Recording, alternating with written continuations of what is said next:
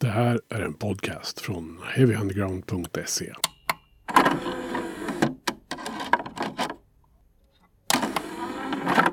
Heavy Undergrounds klassikeravsnitt drar igång ett nytt år. Det är ju 2024 nu när vi spelar in det här. Och det betyder att det är 30 år sedan. Det var 1994. Och därför så ska vi prata om skivor som kom från just det året. Och vi, ja det är ju som vanligt Mischa Sedini och jag Magnus Tannegren. Hur är läget Mischa? Ja, men det är strålande. Vi har taggat inför det här, den här tillbakablicken på 1994 väldigt länge skulle jag säga. Uh, vi, jag, jag, vet inte hur det är, men jag tror vi båda uh, håller det här som kanske världens bästa musikår. Va? Ja, på något sätt för mig så kulminerar hela 90-talet här. Eh, det är liksom här alla skivor släpps. Eh, det här alla turnéer händer. Det är liksom allt det som har byggts upp under 91, 92 och 93 på något sätt. Eh, bara blir en gigantisk eh, explosion av allt möjligt. Ja, och alternativrocken blir ju verkligen kommersiellt gångbar och öppnar för ett väldigt spännande musiklandskap över hela världen faktiskt. Precis, och de banden som var nya några år tidigare börjar bli etablerade och ja, det, är liksom, det börjar snurra ordentligt för många band. Eh, Exakt. Och ja, vi kommer att äh, återkomma under det här, jag, till det här tror jag under hela det här året när vi ska prata om skivor. För att, äh, som släpptes under 94. Vi, har det varit, tyckte du det var svårt att liksom komma fram till en lista? Vi har ju bollat den lite fram och tillbaka här innan året. Jag tror att jag bävade mer för att göra listan. Sen när vi väl satte oss ner och gjorde den så var vi väldigt överens. Jag tror det var, jag tror en skiva som vi var lite oense om. Mm. Och då visade det sig att jag hade bara slängt in den för jag trodde att det var en klassiker. Men då bytte vi den till en annan bättre klassiker. Så vi var nöjda allihopa. Precis. Tänker du men, men däremot det ska ju sägas ändå att vi, vi har väl ett kanske, hade vi verkligen fått prata om alla skivor så tror jag vi hade varit inne på 25 album. Men det blir svårt att göra två avsnitt i månaden. Ja, det ska ju, man ska ju göra annat också i livet. Ja, det sägs att man ska ta hand om barn också. Ja, precis. Och vi tänker ju inte riktigt berätta vilka plattor det är vi har kommit fram till. Så det ska ni ju få liksom vara med på den här resan under året som går nu. Exakt. Eh, men med det sagt så kan vi väl konstatera att vi drar igång med en platta som eh, ändå är ett av årets absolut största, måste man väl säga. Ja, ja, ja. Eh, vi pratar om Soundgardens platta Super Unknown. Som släpptes den 8 mars 1994. Eh, och det här är ju ingenting annat än liksom, en av de skivor vars låtar spelades mest på alla kanaler eh, överallt. Eh, och innebar ju ett gigantiskt genombrott för Soundgarden kan man väl säga.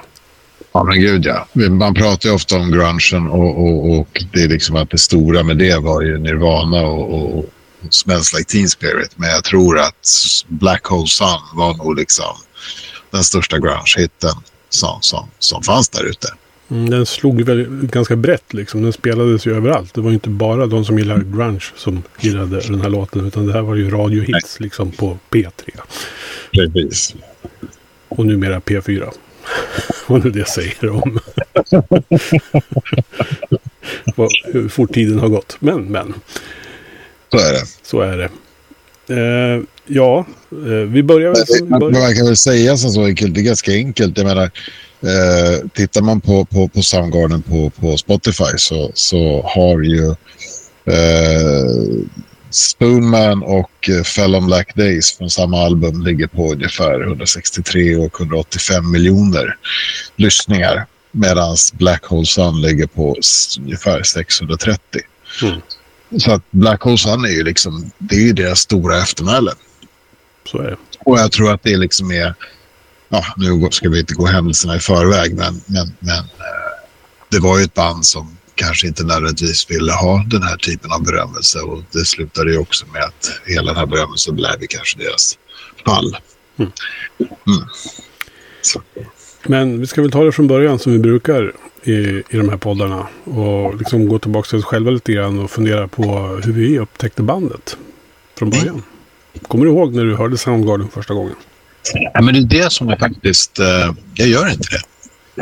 Jag har eh, dåligt minne av exakt vad det är. Jag har för mig att det kan vara antingen Rusty Cage eller eh, Jesus Christ Pose. Eh, däremot så var det ingen i min kompisskara som, som lyssnade på Bad Motorfinger. Så att, eh, det var nog inte riktigt förrän eh, Super Unknown släpptes som, som det började bli lite intressant. Eh, men jag var inte riktigt inne på... Eh, jag var fortfarande kvar. Jag var ganska ung här. Jag är ju fortfarande... Ska vi se. Ja, jag, ju, jag har ju inte fyllt eh, 15. Så att och Soundgarden var lite för knepiga för mig då. Jag lyssnade på rakare saker. Uh, men jag menar, jag minns att jag tyckte att uh, Spoonman var cool och, och, och sådär. jag såg dem i Globen 95. Mm. de var någon sån här stort gig med White Zombie och, och jag undrar om inte det var samma kväll som... ja, det var några olika band. Uh, jag ska inte säga vilka det var, för det minns jag inte. Men, uh, men eh, jag tror inte att det är först typ 96 som liksom den här skivan verkligen börjar sätta sig. Jag börjar förstå hur mycket jag tycker om den. Eh, men, men sen dess, sen, sen, sen, sen den verkligen den poletten trillade ner 96-97 så har den här skivan varit med mig. Ett tag har den nog varit uppe på min topp 5-lista. Jag tror att den är någonstans topp 10 i alla fall. Mm. Ja, nej, jag måste nog säga att det var nog, eh, som du var inne på, Jesus Christ Pose. Den videon kommer jag ihåg väldigt tydligt, väldigt tidigt. Eh, och sen är det ju, ja, låten i sig eh, är ju ganska intensiv sådär. Så att, och jag var väl på det humöret när man var i den åldern. När den släpptes, att det skulle vara, låta så. Eh, och sen kom ju Outshine också eh, där.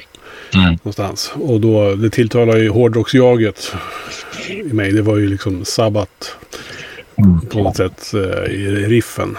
Eh, som vi ska återkomma till senare. Men sen så, det var nog så jag upptäckte dem. Eh, om du nu vilket, vilket segment på MTV det nu var som visade den förmodligen. De senare programmen. Mm.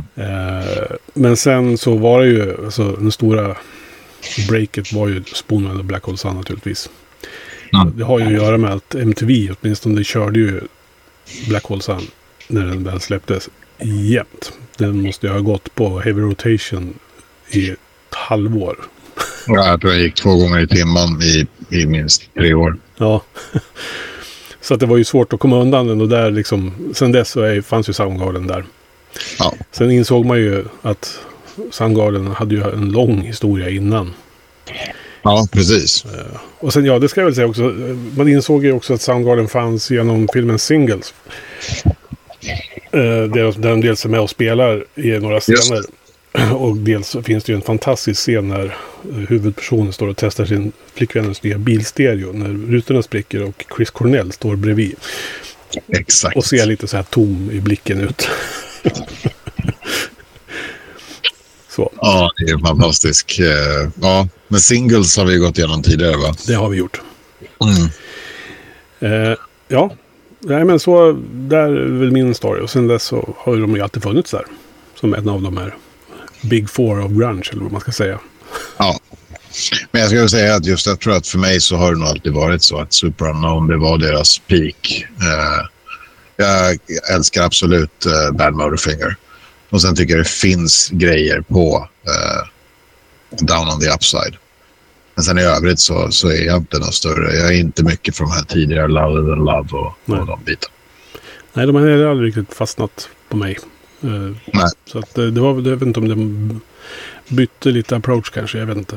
Uh, ja, men de gjorde ju det. Uh, och de, de, fick väl en teknisk sida på Bad Motorfinger som de sen utvecklade på Super Unknown. Men ja, Unknown gick ju åt ett annat håll. Uh, så de tappade ju en del fans. Men fick en del andra.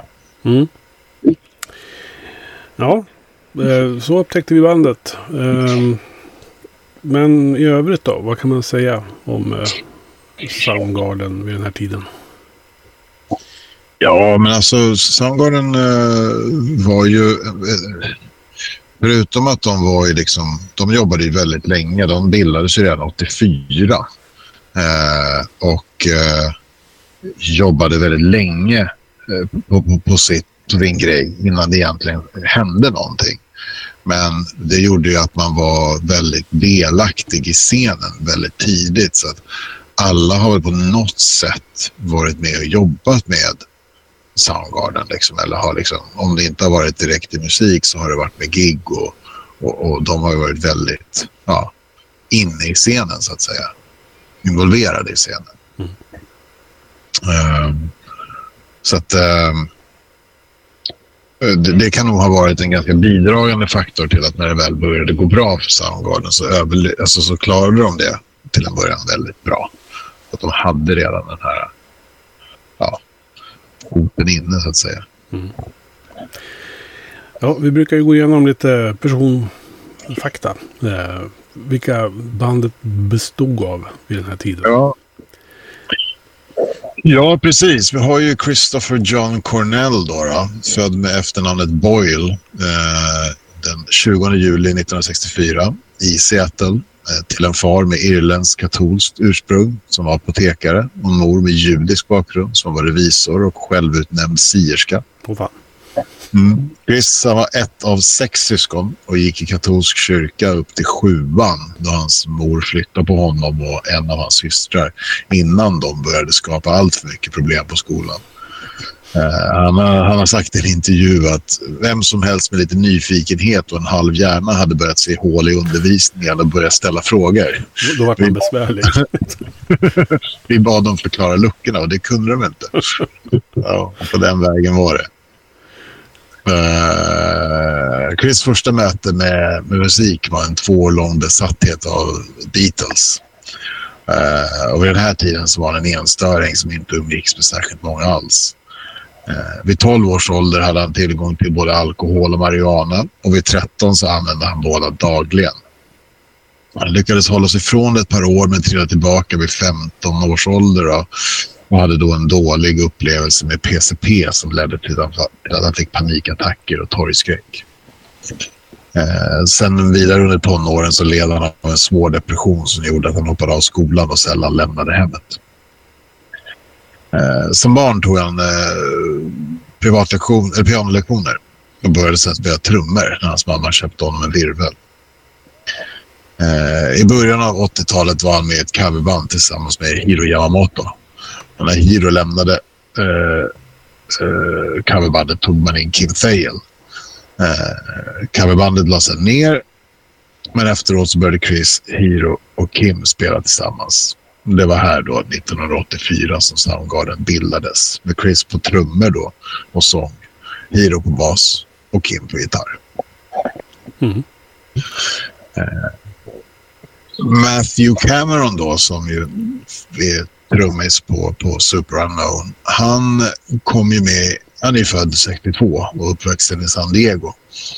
Eh, han började spela trummor ganska tidigt och hade vid 13 års ålder ett Kiss-coverband. Det rann dock ut i sanden när Kiss Management hotade stämma bandet för plagiat.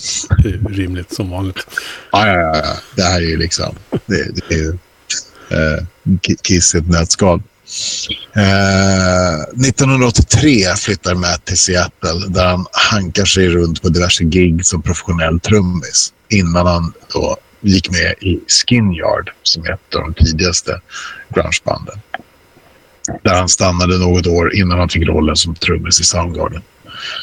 Chris ska ha sagt att när jag träffade Matt så var han redan den bästa trummisen i stan. Han kunde spela och han hade självförtroende. Alltså jag tycker Matt Cameron är spännande på många sätt. Alltså han, han, spelar med två av de absolut största banden från den här tiden. Har gjort. Eh, och han är ju ja, han är ju sjukt duktig. För att inte nämna att han då också var ju trummis i uh, Temple of the Dog. Ja, dessutom. Dessutom. Ja. Och, uh, ja, och, och har ju även gjort sitt eget Well Water Conspiracy och lite andra mm. saker mångsysslare av rang. Ja, det måste man säga. Sen har vi då Kim Anand, Anand Thale. Eh, född 1960. Eh, äldst i gruppen. Uppvuxen i Park Forest, en förort till Chicago. Eh, hans föräldrar hade flyttat till USA från Indien och hans mor var pianolärare och hans far hade utbildning inom kemi. Kim började skriva texter när han var 12 år och när han var 17 bildade han sitt första band, Bozo and the Pinheads. Eh, I high school träffade han Hiro Yamamoto, Soundgardens första basist. Och när de tar studenten så bestämmer de sig för att flytta till Olympia i Washington för att studera på college. Men där hittar de inga jobb så de valde att flytta till Seattle istället. Och där blev de rumskamrater och sedermera medlemmar i samma band som Chris Cornell. Band som vi känner som Soundgarden. Mm. Jag tycker Fail är en av de här... Han är så lite förbisedd tycker jag. Mm. Alltså han, han, han har väl inte gjort så mycket väsen av sig ut på sidan av scen sådär. Men han... Dels så tycker jag att han, han har alltid bara stått och sett cool ut. Liksom, för det första. Mm. Uh, och för det andra så, jag menar han är ju en uh, gitarrist av ja, magiska mått nästan. Ja men absolut. Alltså, han, han och Chris kompletterar ju varandra mm. fantastiskt mycket. Och Fejul är så rolig för han är ju en sån här hans uh, approach till gitarrsolon är ganska rolig. Han har berättat det själv att vissa av de här solorna på, på Super Unknown har han lagt ner timmar på att skriva liksom, för att de ska funka. Och andra är första tagningen. Mm. Ja. Så att, eh, ja. Han är väldigt speciell, men en fantastisk gitarrist, absolut. Sen har vi då Hunter Benedict Shepard, mer känd som Ben Shepard. Eh, han är född 68 och yngst i gänget. Eh, född på den amerikanska militärbasen i Okinawa i Japan. Där hans pappa jobbade på milisprogrammet Nike. Eh, familjen flyttade först till Allen i Texas innan man landade permanent i Kingston i Washington som ligger en 40 minuters båtfärd från Seattle. Eh, Bens pappa spelade gitarr och han växte upp till tonen av Johnny Cash. Han bad sin far att lära honom spela, vilket han gjorde på ett lite annorlunda sätt. Först fick han lära sig alla ackorden på en gitarrhals eh, innan han skulle då få en gitarr av sin far. Eh, och sagt och gjort. Eh, efter det så spelade han i många olika punkband där han mötte flera blivande prominenta musiker som Stone Gossard, Chris Noss, Selig, eh, Matt Cameron och Chad Channing. Eh, Shepard var ett fan av Soundgarden redan när, han, när de var en trio. Och när han hörde att Hiro hoppat av så provspelade han för dem. Bandet gillade hans attityd, men eftersom han inte kunde några av låtarna och hade gitarr som sitt primära instrument så gav han jobbet till Jason Everman, som är känd för sin tid i Nirvana också. Eh, men efter turnén med Louder Than Love visade det sig att det inte funkade med Jason och Ben fick en ny chans. Uh, han kom in i bandet före Bad Motorfinger och tog inte bara rollen som basist utan även som låtskrivare och textförfattare. Ben ligger också bakom många av de mer udda uh, ja, gitarrstämningarna av instrument då, som man kan höra på bland annat The Day I Tried to Live och My Wave. Jag tror han skrev, uh, skrev två låtar och är medförfattare till ytterligare två på Bad Motorfinger så han klev in direkt som låtskrivare. Ja, det gör han med bravur. Slaves and Bulldozers har för mig är mm. Ben Shepherds frukt. Uh, och det är denna sättning då som han skapar Bad Motorfinger som sin första skiva. Uh, och med släppet av den skivan i slutet av 1991 då, så började försäljningen och populariteten då ta fart på riktigt och man fick plats som förband på turné med både Guns N' Roses och Skid Row och även en plats på 1992 års upplaga av Lollapalooza med Red Hot och Pearl Jam. Och ja, här var bollen i rullningen och farten hade ju bara börjat att tillta. Mm. Jag tycker det är spännande liksom hur de... Men det har vi ju pratat om förut när man mö, alltså, musiker från olika håll möts liksom eh, i något sorts socialt sammanhang. Och i mm. Seattle på den här tiden, menar, de bodde ihop några av dem. Och de flyttade dit och startade band med någon annan. Och det är liksom, du nämnde några namn från andra stora band som skulle bli stora band sen. Liksom. Exakt. Det här communityt som verkar ha funnits. Ja, men det är det jag tycker är så spännande just med, uh, med Seattle. För man förstår ju alltså vilken liten scen det var. Och hur många av de banden som, som fick skivkontrakt. Alltså, för att hur, vad man än tar för band så kände de dem. Mm. Så kände de. Och det var, det var så litet. Alltså, jag vet ju, man sitter, jag är, nu när jag har gått igenom 90-talet mycket så sitter man ju på Instagram och så får man ju sådana här förslagsbilder och det dyker upp. Så att, hela tiden så när det dyker upp bilder där det är typ ja, men, någon bild på Kim Thale sitter och pratar med, med heter han? Eh, eh, ja, gitarristen från Alice in Chains eller Cantrell. Äh, Cantrell. Mm. finns någon bild där, vad heter hon nu då?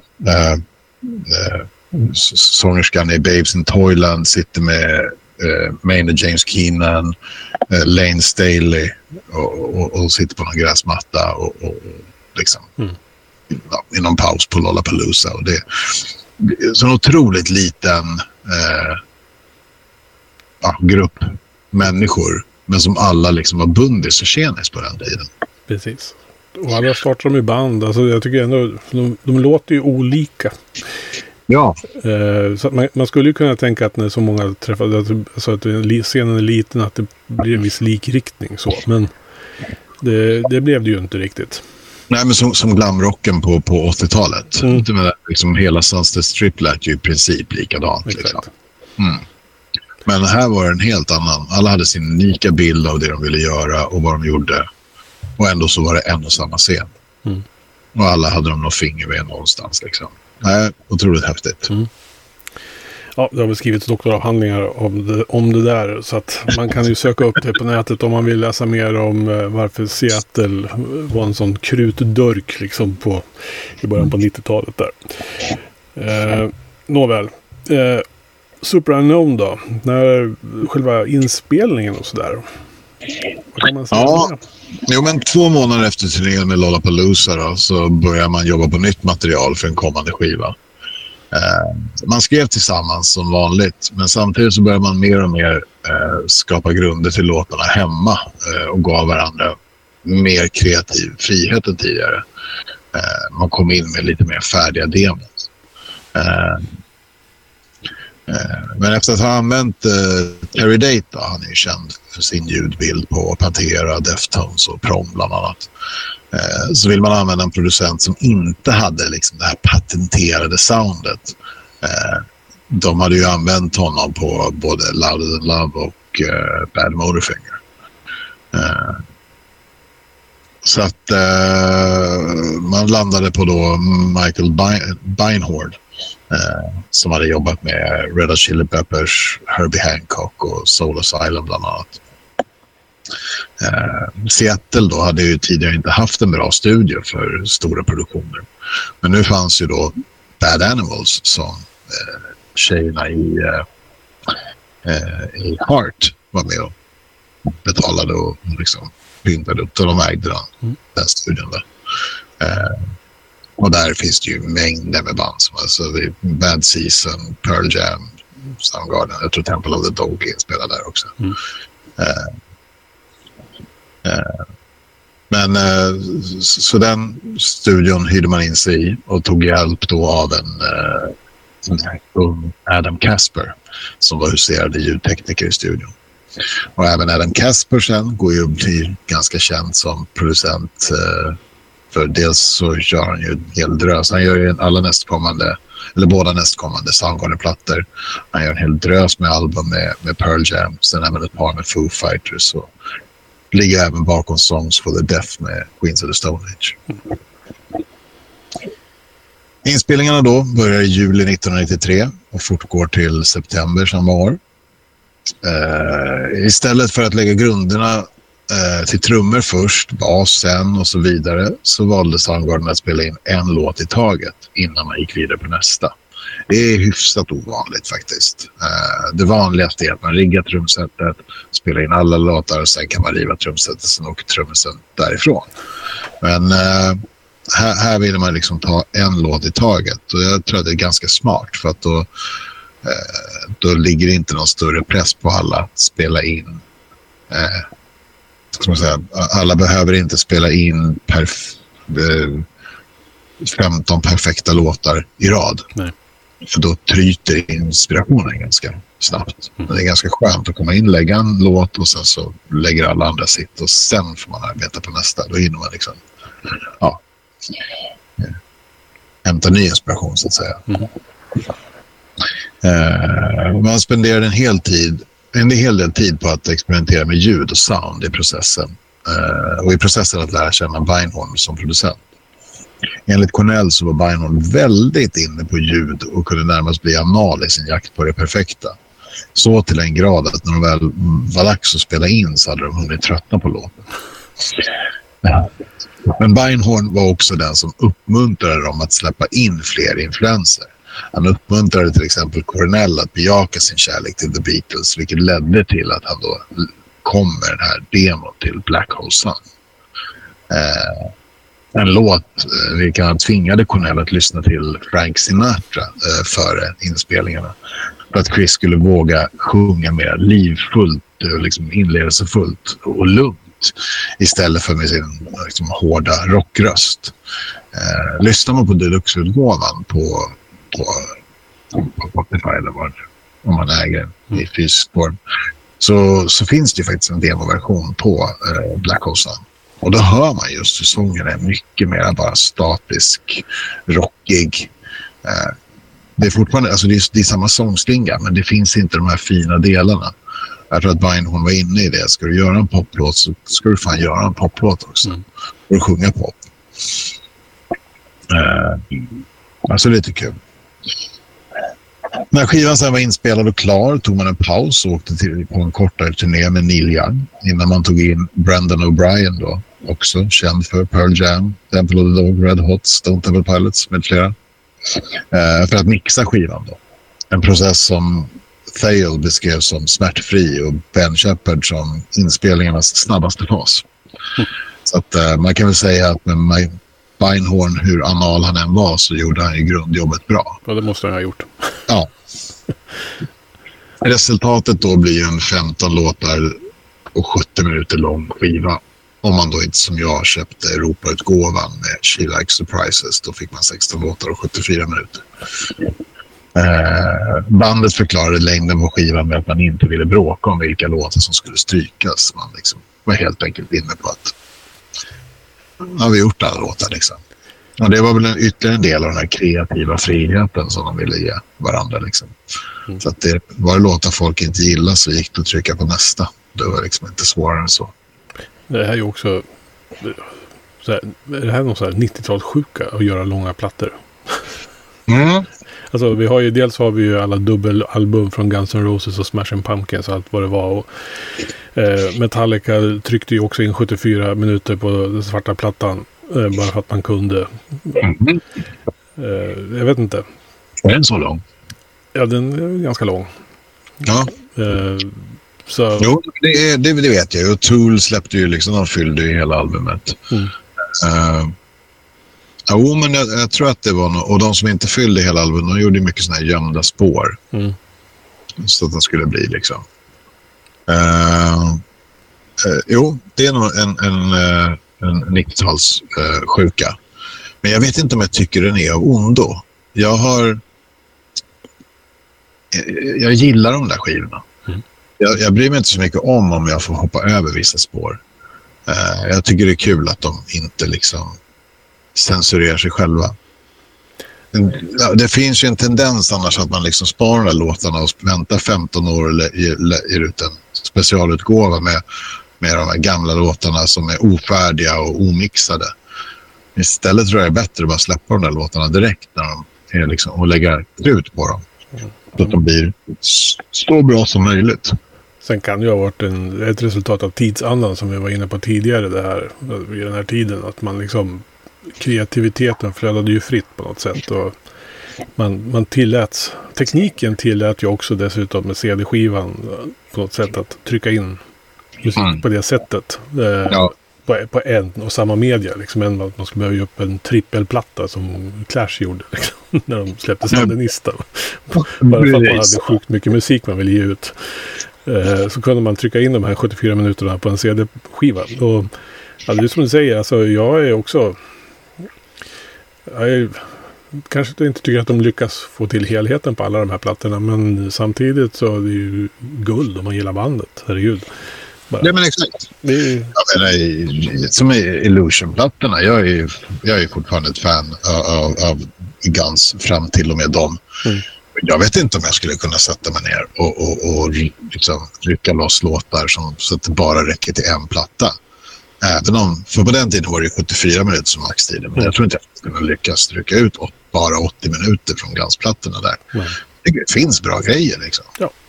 Så att jag menar, äh, jag tycker jag tycker det är bra. Mm. Jag, tycker, jag tycker man ska lägga ut alla låtarna där. Vill man hoppa över spår så får man göra det själv. Och jag tycker att Super Unknown den håller ju ändå hela vägen i mål. Alltså, jag tycker inte, vi återkommer till det sen med vilka låtar och sådär. Men mm. jag tycker att den funkar som helhet. Eh, det är en stor och bra rockplatta. Liksom. Mm. Och då får den ta den tid den behöver. Jag tycker den får göra det. Eh, jag, jag, tänker som så här. Alltså, eh, för mig så, jag, jag, tycker det är coolt med den här plattan för jag tycker att den, den, den, den börjar väldigt rockigt. Eh, du har ganska raka låtar.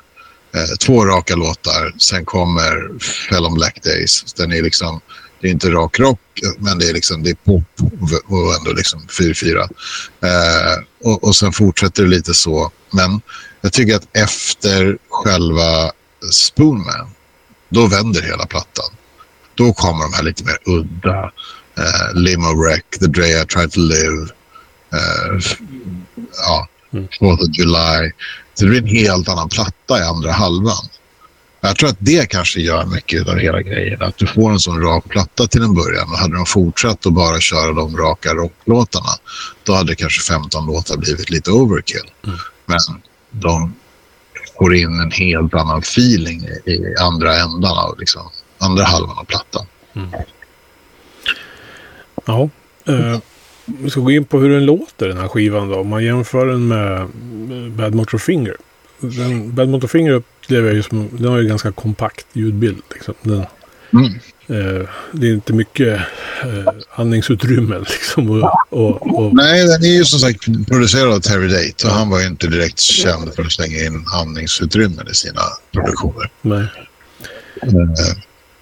Så vad tycker du är den största skillnaden här emellan, förutom det? Men jag tycker att, eh, så här, jag tycker Superunknown, eh, med den tar bandet ett steg tillbaka eh, från det bombastiska och börjar använda luft mer. Eh, tiden mellan anslagen på trummorna är inte längre packade med gitarrer i alla lägen utan distarna har dragits ner och atmosfären har fått kliva fram. Eh, mycket Ja, detta har ju såklart med den nya stilen på låten att göra. Det punka och råa har fått ge vika för ett mer poppigt och psykedeliskt Soundgarden. Men en stor del av skillnaden ligger också i hur Beinhorn valt att framhäva det här nya bandet. Det är ju inte bara liksom ett nytt sound på låtskriveriet. Det är ju faktiskt ett nytt sound på Soundgarden också. Eh, så att eh, det här eh, Zeppelin, Sabbat-riffiga Eh, det har ju helt och hållet gett vika för, för någonting mycket mer experimentellt. Uh, det är ju lätt att tänka att poppen i Black Hole Sun och den raka rocken i Spoonman var liksom ledstjärnorna på Superno. Men då har man ju faktiskt inte lyssnat på hela skivan. Man har inte lyssnat på liksom, den här snabba, tunga Mailman, den närmast orientaliska Half eh, med sång från Shepard, uh, Beatles-doftande Head Down och ja, jag vet inte, sludge-poppen i, i, i 4th of July. Nej, men det är sånt sludgigt riff. Mm. Och sen den, den sångslingan på det. Det är liksom, ja, det är sånt jävla guld så jag vet inte. Mm. Texterna de är oftast mörka med teman som om depression och drogberoende och självmord med underliggande teman om rädsla, förlust och alienation. Eh, Cornell ska ha varit starkt inspirerad av Sylvia Plath under denna period. Eh, Thale kommenterade dock eh, skivans tema om att mer handla om livet än om döden. Eller som han sa, druiderna uttryckte det, livet är bra men döden kommer bli bättre. Jag vet inte vad det ska betyda. Eh, Cameron menade att skivan var ett stort fuck you till världen och en önskan att få bli lämnad i fred. En inställning många Seattle-baserade band hade på den tiden. Eh, då skivbolagen försökte mjölka deras stad på pengar och talanger. Olustigt nog så var det just det man sa fuck you till som i slutändan åt upp bandet också. Mm. Ja. Eh, jag tänker, vad är det vi liksom gillar med den här plattan då? Alltså, det är ju en... Eh, man märker ju att de har gjort en resa liksom mellan föregångaren och den här. Mm. Eh, och jag, genom åren så har jag ju, jag är ju som sagt, Bad Motor Finger kanske jag fortfarande värderar lite högre då. Men det är ju bara baserat på att det kan ju vara första kärleken liksom. Mm. Lite grann så. Och jag hade länge svårt för, för hela Super Unknown om jag ska vara helt ärlig. Mm. Men det kan ha varit det här klassiska att hitsen ställde sig i vägen för plattan på något sätt. Man var så sjukt trött på Black Hole Sun 1997 liksom. Så att man orkade liksom inte med Soundgarden eh, riktigt. Eh, efter några år där. Eh. Men, men man kommer bara ihåg att man gillar för Jesus Christ Pose liksom. Ja, men exakt så. Jag tror att den här, som jag sa innan, jag, den släpptes ju 94 men det dröjde fram till 96 innan jag lyssnade på den. Jag, eh, jag undrar om inte det var just för att det låg, Black Hole Sun låg i vägen. Sellout liksom. Nej, inte sellout, men det är liksom det blir ju som med vad som helst du tvingas höra. Jag är säker på att Self-Esteem med Offspring kanske inte är en så jävla dålig låt egentligen. Nej. Men jag hatar den. Mm. Tack vare MTV. Mm. Uh, och det finns en miljard sådana låtar. Mm. Jag menar det hann aldrig riktigt bli så med Nirvana. För även om Smells Like Teen Spirit exploderade så kom ju nästa Lithium. Ja, och sen kom ju Come As You Are. Ja, men sen kom ju In Bloom. De släppte ju liksom fem singlar på den plattan och alla blev ju liksom tv-hits. Uh, eh, Soundgarden släppte ett gäng singlar och visst, Spoonman var väl uppe där ett tag. Men du vet, Black Hole Sun, den tog ju bara över. Den tog fullständigt över och, och dränkte hela liksom, MTV eh, i speltid. Så det gick, vart man än vände sig så, så, så fanns den ju där. Och jag, jag klarar inte av att lyssna på låtar på det sättet. Jag kan inte ha liksom, en och samma låt, lyssna på den två, så här, fyra gånger per dag i, i tre års tid. Det går inte. Nej. Det släpptes ju faktiskt fem singlar från Supernova. Ja, exakt. Och hur många kan du nämna utan att titta på listan? Ja, det är ju Spoonman och Black Hole Sun. Uh, ja. uh, jag, jag, jag, vet, jag har ju sett videon till, uh, vad heter den då? I fell on Black Days, så ja. den vet jag också. Sen så släppte de The Day I Tried To Live. Det var andra singeln faktiskt. Som kom efter, ja, Spoon, som kom efter Spoonman. Uh, Spoonman kom i februari. The Day I Tried To Live släppte de i april. Sen bara tre veckor senare så släppte de Black Hole Sun. Som singel. Och efter den i oktober först så släppte de My Wave. Just det, My Wave var också en singel. Och sen i januari 95 så kom Fell on Black Day som singel också. Fast de två sista ska väl säga att de släpptes i Australien respektive Storbritannien då. Men, eh, men ändå. Det, det, det, det, finns, man, det du hör bara, fortfarande bara en låt liksom. Ja, nej absolut. Jag menar de Ja, de tre mest spelade låtarna på Spotify är Black Hole Sun, eh, Spoonman och Fell on Black Days. Så jag menar, The Day I Tried To Live och, och My Wave, de är inte ens med där. Nej. Så att folk var inte intresserade. Så de hamnar ju, mitt i det här så hamnar ju de i någonting jättejobbigt för att de får ju en jättestor popularitet och de, med den här skivan då börjar de ju turnera och göra headlines. Men eh, de får en popularitet som de inte har önskat och inte vill ha. Mm. Eh, men samtidigt kan de inte tacka nej heller. Men fan tacka nej till att göra headline-turnéer? Det går inte. Nej. Men då har du en publik som står där och egentligen bara vill höra en låt. Det måste ju vara skitjobbigt att stå så. Mm. och liksom få medioker respons på allt. Sen spelar du en låt. Wow! Och sen resten av giget medioker respons. Mm. Ja. ja. Men eh, om vi ska liksom eh, försöka pilla ut russinen ur Soundgarden-kakan här då. Vad är det som gör den så pass bra då ändå? Vad är det vi gillar med den? Mm, det har jag tagit reda på. det var därför jag frågade.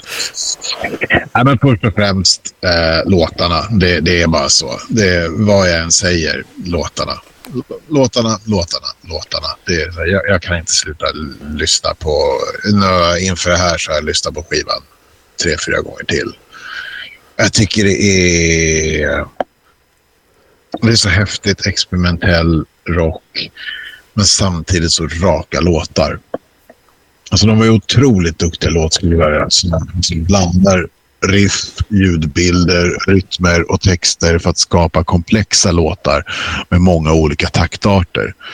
Men även om man då slänger in 5-4 som är My Wave eh, eller eh, 7 åttondels takt i The Day I Try To Live eller rent av 15 åttondels takt i Limerick så var det liksom Soundgardens styrka att man aldrig lät dessa udda taktarter påverkar svänget i låten. Tvärtom så spädde man på det och gjorde det lite mer spännande. Det fick lite mer edge. Eh, ta Limerick till exempel då, där man då säger att den går i 15 åttondels takt, vilket låter jättekonstigt och knepigt. Det ju, går inte ihop, det är udda som fan. Men egentligen så är det bara en klassisk tretakt. Om man räknar, om man kör en tretakt, en, två, tre, en, två, tre, då blir det ju 12. När man slutar så blir det 12 åttondels takt eller 12 sju. Ja. Eh, men de kör fem vänder. Så det blir en, två, tre gånger tre, fem. Och då blir det 15 åttondels takt. Men det, påverkar, det blir inget svårt tempo. Det är bara att riffet blir ovanligt långt. Normalt brukar drift vara fyra vänder och de kör fem vänder. Så då blir det lite annorlunda och då måste man lägga sången lite annorlunda för då hon får ju hålla, måste ju dra ut på textraden på ett annat sätt. Liksom. Hur som helst. Uh, uh, jag menar, visst finns ju det ganska rak rock i låtar som Let Me Drown, Spoonman, uh, My Wave och, och Kickstand. Men Soundgarden sjöng aldrig om brudar, parton eller lökiga kärleksrefränger. Det, var liksom, det är smart rock för oss som inte vill ha tuggummi i öronen. Djupa texter för oss som liksom söker, söker låtar om smärta utan tonårshjärta. Eh, och tre av de här tre nyss nämnda låtarna hade ju faktiskt udda taktarter. My Wave låter inte konstigt. Den är bara liksom lite annorlunda men den är inte svår. Det är medryckande. Du kan ju fortfarande stå och, och, vicka huvudet liksom. Mm. Sen har jag som musiker haft enorm glädje av Soundgarden. Då de tidigt lärde mig alternerade sätt att stämma gitarrerna på. Traditionen bjuder att eh, liksom, en gitarr den ska stämmas E, A, D, G, B, E. Det är liksom så. Och det är där man lär sig alla grundackord. Det är så, det är där de flesta gitarristerna ligger. Eh, men Soundgarden experimenterade mm, ja, alltså, det var inte kanske nödvändigtvis de som kom upp med alla udda stämningar. Liksom, utan det här är sånt som folk har testat förr. Men de gillade att ta reda på såna här gamla grejer. Jag vet Led Zeppelin höll ju på mycket med det där. Eh, fan Rolling Stones ska jag cred för det. Keith Richards han drog ju av en sträng och sen stämde han resten i ett öppet ackord så han kunde lägga ett finger blankt över. Liksom. För att det skulle vara lättare. Liksom. Eh, men hur som helst, Soundgarden de experimenterade bland annat med eh, drop D. Där stämmer man ner översta strängen ner till D och således kan man spela ett powerackord med bara ett finger istället för två. Och då kan man ha fler fingrar över för att spela fler toner på de andra strängarna. Men det stannar ju inte där. Alltså, faktum är att man använder hela sju olika sätt att stämma gitarrerna på albumets totala 15 låtar. Eh, och den som sticker ut mest eh, är den man använder i My Wave och The Day I Try To Live. Där man får till ett nästan sitarliknande ljud genom att bara använda två toner. Man stämmer de sex stämmorna i E, E, D, B, B, B. Eh, och varför göra sig allt detta besvär? Ja, men det är ju för att om man stämmer om instrumentet så tvingas man hitta nya sätt att spela på. Du kan inte ta ackorden på samma sätt. Och i den processen så hittar man kombinationer av toner som man annars aldrig skulle ha hittat. Eh, jag tycker liksom att det finns en sån stark experimentell lust i bandet som jag då som superstort fan tycker mig höra hela vägen igenom på denna skiva. Mm. Spännande där att höra en musiker prata om det här. Jag har ju ingen, mm. jag har ingen aning. Jag slutade spela blockflöjt i årskurs 1. eh, men eh, det är fascinerande att liksom, liksom lära sig hur, hur, hur soundet kan påverkas av sådana här saker. Mm. Eh, det jag har tänkt på, jag har ju också vevat den här plattan hela en veckas tid här, bara någon gång om dagen för att återuppliva den så att säga i huvudet. Mm. Och det, är ju, det här har vi pratat om, det tror jag vi pratade om när det gäller Versus också. Eh, att den är på många sätt en mer tidlös skiva än vad Ten var. Om vi pratar mm. Pearl Jam. Mm. Det är samma här tycker jag. Jag tycker man, alltså på Bad Motor Finger, där hör man ju liksom att det är 90 någonting. Ja. Eh, väldigt tydligt tycker i alla fall jag. Eh, Medan när jag satt och lyssnade på den här så tänkte jag att det här är ju en, liksom, det här är en tidlös rockplatta.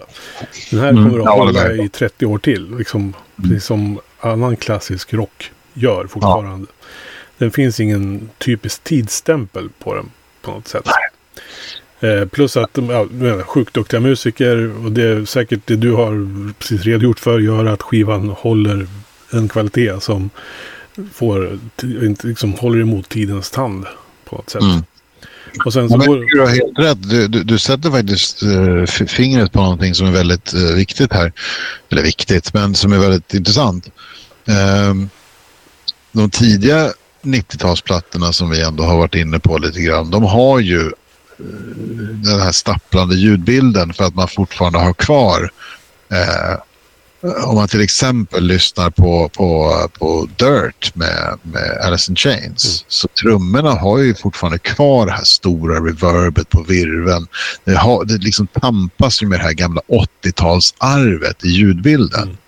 Och det är ju med, med liksom främst eh, Temple of the Dog och Versus och de plattorna som började komma där 93. Eh, men som nu också kommer in 94. Där man, jag menar både Pearl Jam och, och Soundgarden har turnerat med, med Neil Young och är stora fans. Och de är stora fans av Springsteen och de aktivt jobbar sig ju tillbaka till ett mer naturligt rocksound. Mm. Uh, och det är ju någonting som sen också kommer liksom mer in över alla andra band också på den här tiden. Uh, och så att de, de är ju med och lite skapar den här tillbakavågen. Som sen någon gång runt 97-98 slår över i douchebag grunge och sen är det förlorat. Mm. Men det var några år däremellan där den här mm, helt naturliga rockbilden eh, ja, får ta över den alternativa rockens ja, standardsound. Precis. Och det är ju mycket tack vare Pearl Jam och Soundgarden. Ja. Och sen går det ju inte att komma ifrån, alltså det som jag tycker gör den här skivan så bra, liksom, alltså, har man en sångare som Chris Cornell, eh, som har den liksom eh, omfånget på hur man kan använda sin röst, som han ändå gör, allt från det här lena poppiga som han gör i Black Hole Sun och på andra ställen, till alltså, att kunna yla ändå som ja, Arena Rocks eh, magnitud på det. Som de mm. stora sångarna i rockhistorien. Liksom, han är ju där uppe liksom, med Robert Plant och alla, ja. alla de här. Alltså i, i, och kunna bara ställa sig på en scen och ta över röstmässigt. Man ska ju komma ihåg att 94 det är ju långt ifrån autotune. Ja. Så att alla toner han sätter på den här skivan, de sätter han. Det är ingen som har gått in och stämt upp hans röst i efterhand och rättat till eller någonting, utan det sitter för att det satt där. Mm. Han har gått in och pressat lungorna tills det satt. Det är också jävligt coolt. Mm. Och sen har vi ju, de är ju begåvade allihopa. Det, det hörs så tydligt och bra på den här plattan tycker jag. Vi har Matt Cameron på trummor som ja, han är Matt Cameron. Han har, ja. han har fyra Men, armar liksom och gör saker som man bara undrar hur, hur man hinner med och får det att svänga så fruktansvärt. Jag är väl mest imponerad över att han kan ta de här udda taktarterna och få dem att, att, att framstå som så raka. Mm. Det är inte först du verkligen börjar räkna som du börjar inse att ja, just det, det här är udda.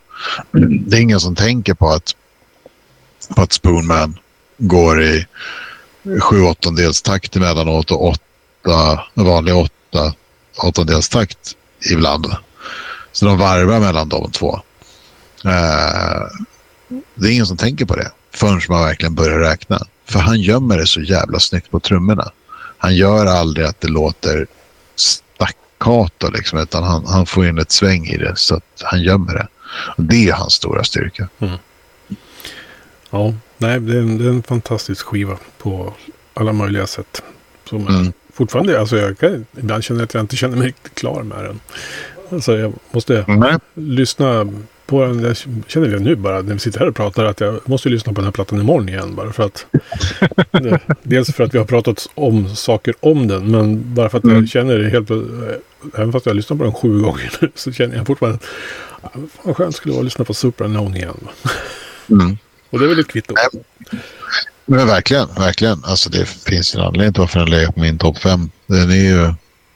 Den är snuskigt bra rockplatta. Men vad har du för favoriter då?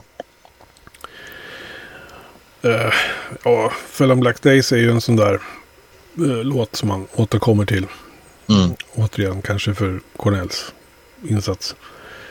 Uh, sen så gillar jag, jag gillar titelspåret. Uh, det är ju lite annorlunda kanske mot de andra låtarna. Det går inte att kalla det för orientaliskt, men Nej. någonting är det ju. Mm. Ja, precis. Uh, och Mailman, ja, den gillar jag också. Men ja. där kommer ju liksom riff-älskaren lite grann. Mm. och att den är liksom så monoton, repetitiv. Liksom. Ja. Uh, Eh, ja, nej men så att det, det, är väl de. Och sen så, men.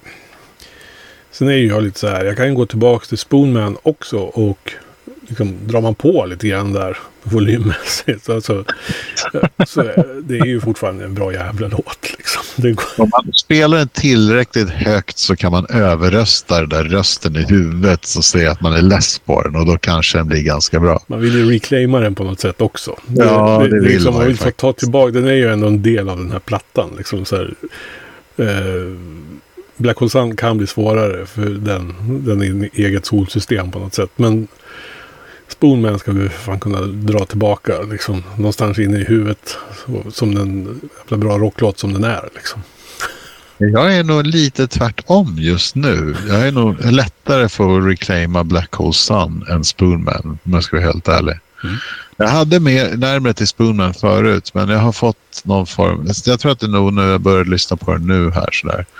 Jag börjar lyssna lite mer. Det kan ha varit någonting med liksom att jag läste lite om ja, hur jobbigt han... Cornell tyckte verkligen att det var jobbigt att ta in den här låten för han visste att den var liksom... Mm. Den följde inte Soundgarden överhuvudtaget. Så att, men han utnyttjade det faktum att de hade gett varandra fria tyglar. Mm.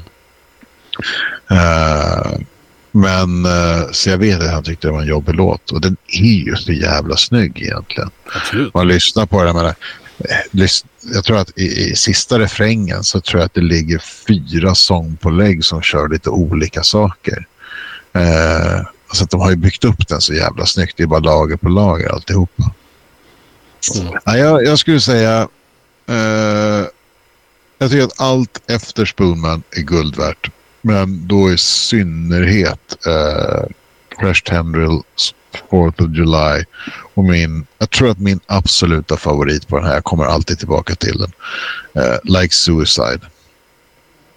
Jag tycker det är en sån jäkla stor låt. Den är så snyggt producerad. Det är så stort trumljud på den.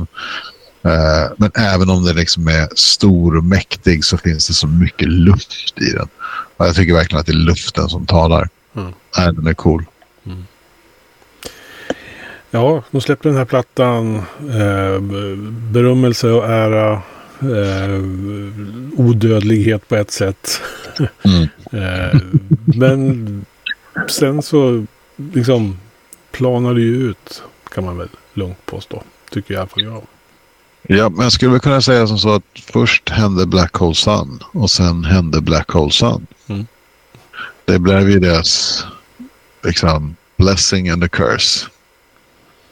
Eh, de, tack vare Black Hole Sun så kan de ju åka ut på stora turnéer och, och vara ett, eh, ett sånt stort band som ställer ut egna arenor och tar med sina egna förband. Eh, men problemet är att de har en jävla stor kommersiell framgång. och eh, Redan på Down on the Upside när man spelar in den så märks det att det liksom finns slitningar i bandet. De är liksom...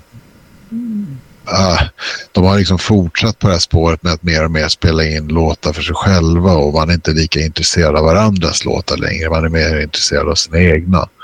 Uh, och uh, ja, den här... Uh, jag har läst att på sista turnén så, så tog de separata flyg allihopa. Och någonstans där förstår man ju att det, liksom, det, är inte, inte en bra situation i ett band när man inte vill träffas överhuvudtaget. Nej. Ben Shepard han sket. Han, han tyckte det var så pinsamt att de tog in på lyxhotell. Så att han, han kom till turnén utan någon packning. Han kom med kläderna han hade på kroppen. Mm. Och sen så tog han in på andra ställen. Mm. Skitigare in och sånt där. Han åkte aldrig till de här stora hotellen som de hade för han tyckte det var pinsamt. Mm. Och sen ska väl också sägas att nu är det här läst på, på, på, på internet så att jag vet inte hur sant det är. Men Ben Shepard ska ju ha, han mådde ju inget bra psykologiskt. Han, alla vet ju att han, han höll ju på på sista två åren så på turnéerna så stod han väl mest och spottade efter publiken och, och, och liksom var mest bara arg på allt. Och kunde liksom, han kunde ju verkligen inte hantera berömmelsen. Han kunde inte hantera att han stod på en stor sten, scen och var liksom någon form av rockstjärna utan han, han var ju den mest, och hade de fortsatt så var väl han mest trolig att fortsätta eh, Kurt Cobains liksom, ja, livsöde så att säga. Mm. Eh, sen har jag läst att Kim Thale är väl också konspirationsteoretiker och, och, och allmänt paranoid. Mm. Men eh, ja, det hela slutar ju såklart i att man då eh, interna slitningar på grund av att man har olika bild av hur, vilken väg bandet ska gå. Mm. Cornell är den som verkar kunna tagit det här med uh, ja, framgång bättre än de andra helt enkelt. Mm. Uh, men uh, nej, de var inte de var inte överens. Nej. Sen gjorde man ju faktiskt en återförening mm. i början på 2010-talet där. Yes. Och det får man väl ändå säga är väl en, någon form av revansch eh, för bandet tror jag ändå. Eh, mm. Jag såg dem på, i stadion 2013 kan det ha varit. Mm. Eh, och då måste jag säga att jag vet inte vad jag hade för förväntningar egentligen. Men eh, jag måste ändå säga att där, där, var det ju bra. Alltså det var riktigt vast live. Mm. och Cornell sjöng ja, som den rockgud han var liksom. Ja. och det var allt var jättebra. Och jag tyckte ändå den sista skivan de släppte, den höll ju liksom. Även om det kanske inte var eh, vågen hela vägen. Men det, det var ändå en, en värdig platta liksom. Sådär, som, ja, absolut. Eh, sen så slutade det, det, var, det var ingen slentrianplatta liksom. Nej, precis. Så att de slutar på plussidan på strecket mm. på något sätt. Rent eh, bandmässigt tycker jag ändå. Sen så mm. slutar det ju oerhört tragiskt sen. När Chris Cornell eh, dör. Ja. Mm. Om det sen var självmord eller olyckshändelse, det vet, kommer vi aldrig veta. Men, Nej. men jag vet inte hur mycket olycka det kan vara när man hänger från ett dörrhandtag. Nej. Men där tar väl ändå på något sätt historien slut om Soundgarden. Eh, ja. Sen får man se vad som kan hända ändå. Men eh, det är vi i alla fall överens om. Oh ja. Mm. Och vi är otroligt tacksamma för det vi fick av dem. Absolut. Från den tiden det begav sig. Jag tror vi har nått vägs ände med Super Unknown, Mischa. Mm. Kul! Ja, eh, då är vi igång med 1994. Mm. Och eh, det här känns fantastiskt bra tycker jag. Jag är övertygad att om, jag har inte ens kollat schemat, men jag är övertygad att om fyra veckor så sitter vi här och pratar om någonting minst lika spännande. Förmodligen gör vi det. Eh, och med det sagt så har du lyssnat på ett klassikeravsnitt från Heavy Underground där vi har pratat om Soundgardens Super Unknown från 1994. Så är jag, Magnus Tandgren och Mischa Sedini. Du och jag hörs igen. Det gör vi. Ja. Ha det gott. Du med.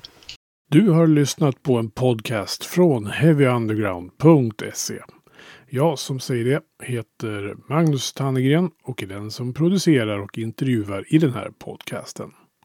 Vill du veta mer om det här avsnittet eller om podcasten i allmänhet? Besök heavyunderground.se eller leta upp oss på de sociala kanalerna på Facebook och Instagram. Tack för att just du har lyssnat. Hey, I met you. You are not cool. I know. Even when I thought I was, I knew I wasn't. Because we are uncool. I'm glad you were home. I'm always home. I'm uncool. Me too. You're doing great. You know, the only true currency in this bankrupt world is what you share with someone else when you're on.